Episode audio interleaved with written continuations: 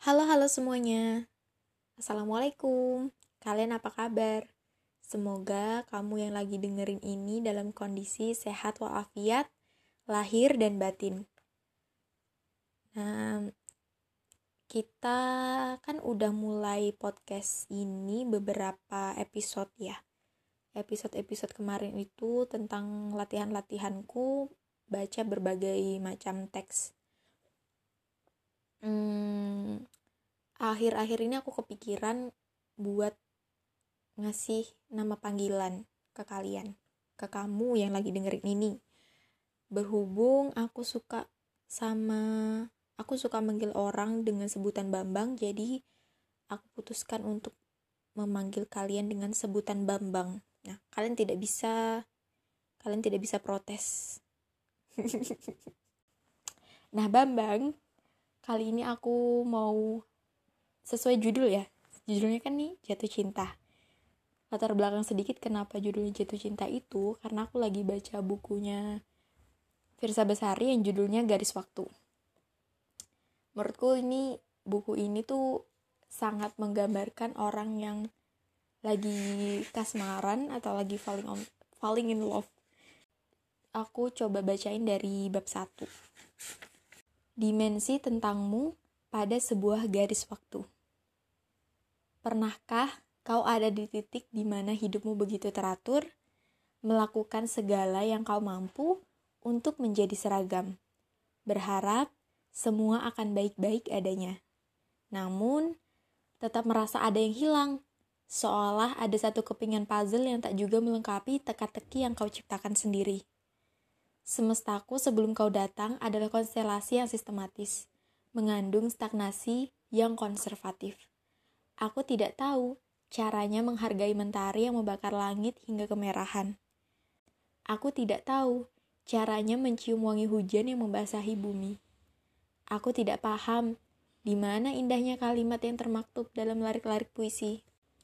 Malam-malamku hanya berisi kumpulan tugas yang harus rela ku bagi dengan jam tidur dan pagi-pagiku hanyalah repetisi, membosankan untuk mengenyangkan logika. Aku lupa bahwa bintang pun bernyawa, hutan pun bernapas, dan kita diciptakan untuk melakukan hal-hal yang lebih besar dari sekedar rutinitas harian. Aku lupa bahwa kita semua terkoneksi, bahwa cinta sepatutnya menjadi bahan bakar agar kita tetap melangkah. Garis besarnya, aku lupa caranya menjadi manusia. Dan kemudian kau datang. Kau menjadi seseorang yang memporak-porandakan jagat rayaku. Dengan cara yang termanis, kau memintaku untuk merasakan dan mensyukuri segala hal yang cepat atau lambat akan berakhir. Maka, izinkanlah aku menulis untukmu, tentangmu, meski aku tidak tahu apakah surat ini akan tiba di sisi ranjangmu, atau hanya terdampar di bentangan ufuk. Izinkanlah aku mengabadikan perjalanan kita, agar aku tidak lupa bahwa suatu ketika di antara perjumpaan dan selamat tinggal, malam pernah dipenuhi senyuman. Senja pernah menjadi bait puisi. Hujan pernah mengantarkan kerinduan, dan tangan kita pernah saling bergandengan. Di antara perjumpaan dan selamat tinggal, kita sekuat tenaga berjuang menyatukan perbedaan, meski diakhiri dengan kerelaan untuk menyerah. Di antara perjumpaan dan selamat tinggal, kau dan aku pernah menjadi kita. Hidup adalah serangkaian kebetulan. Kebetulan adalah takdir yang menyamar. Perjumpaan yang sederhana, April tahun pertama. Kota ini sedang dilanda gerimis tatkala jalan hidupku ditakdirkan untuk berubah selamanya. Adalah matamu yang pertama kali berbicara, menembus menembus pertahananku secara membabi buta. Kau diamkan tanganmu di dalam jabatanku selama beberapa detik. Aku idamkan tanganku di dalam genggamanmu untuk selamanya. Segala keteraturan yang kubangun selama ini runtuh dalam sekejap. Padahal perjumpaan kita begitu sederhana.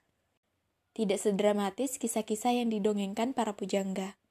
Meski begitu, bagiku kau istimewa. melebihi apa yang mampu digambarkan sastra. Bahkan, aku yakin kau bukan manusia biasa. Mungkin kau adalah malaikat yang sedang menyamar.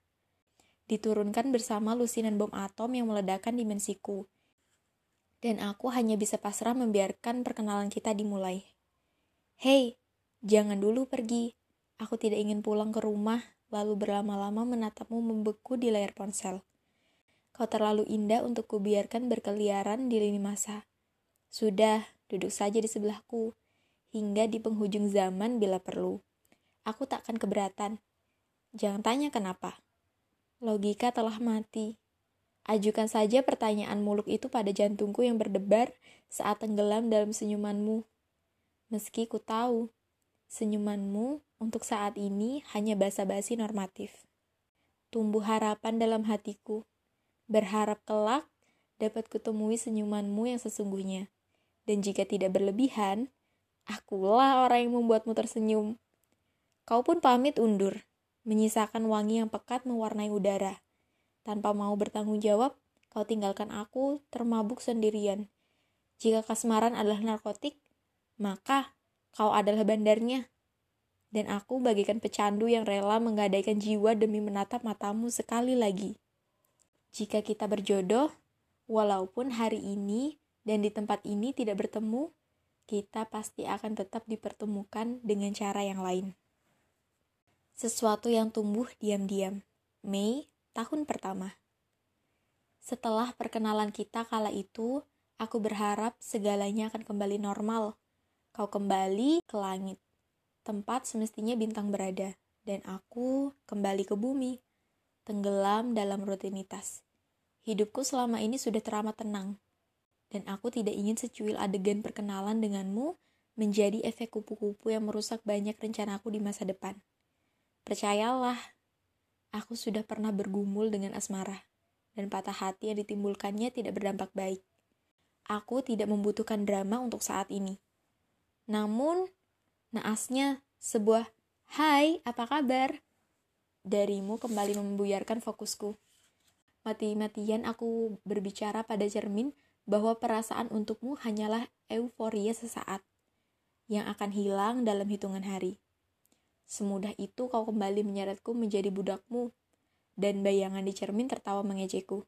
Makan itu cinta, katanya puas. Cinta selalu bersemi di tempat, waktu, dan di situasi yang tidak terduga. Ia laksana mentari di tengah temaram, hijau di antara gersang.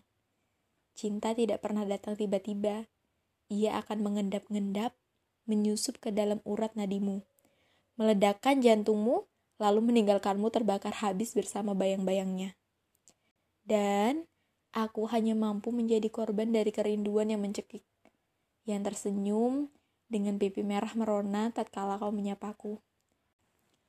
Bak anak kecil menemukan mainan yang paling diidamkan, memimpikanmu terasa menyenangkan. Meski kau hanya dapat kupandangi dari luar etalase. Kau terlalu mahal untuk kutebus.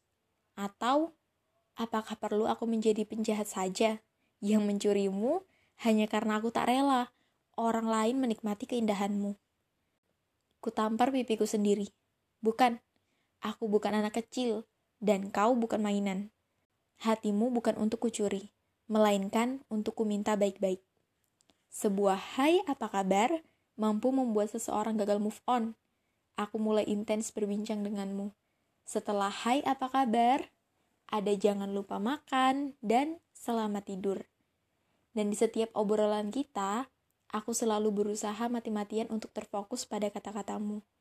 Sulit bagiku mendengarkanmu jika parasmu mendistraksiku lagi dan lagi. Kali ini aku tidak bisa mengelak. Aku yakin bahwa hatiku sudah ada di genggamanmu, menjadi hak milik untuk kau rawat.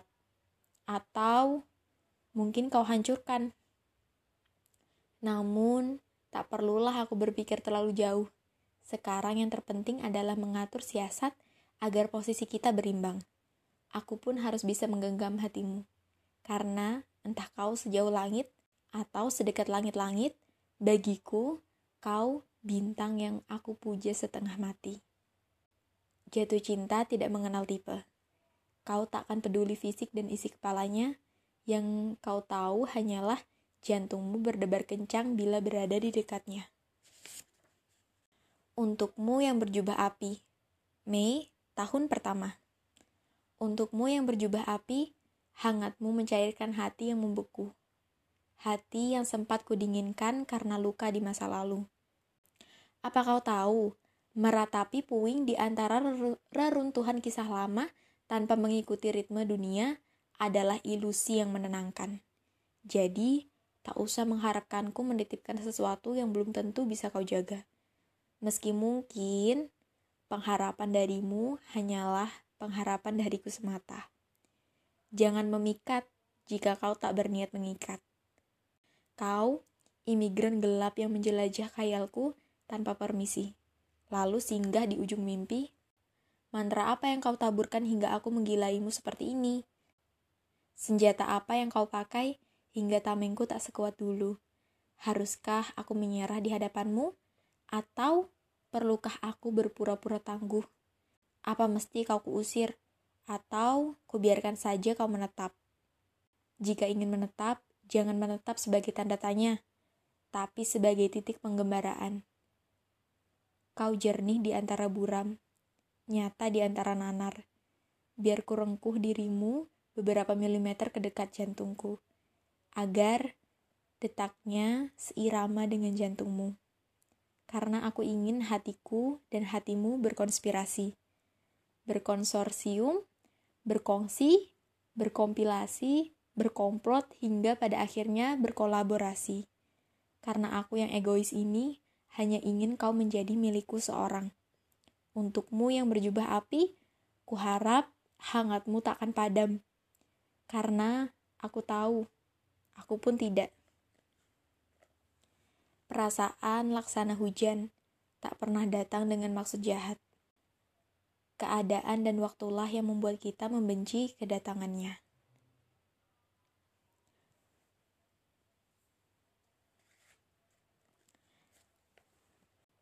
Hai Bambang, gimana? Seru nggak? hmm, mungkin kalian bisa cerita kisah kalian kayak gimana ke aku. Aku lebih saranin kalian buat uh, baca bukunya sendiri ya. Beli langsung dan baca bukunya sendiri karena pasti pengalamannya berbeda dengan apa yang aku bacain. Dadah Bambang. Sampai jumpa di kesempatan selanjutnya.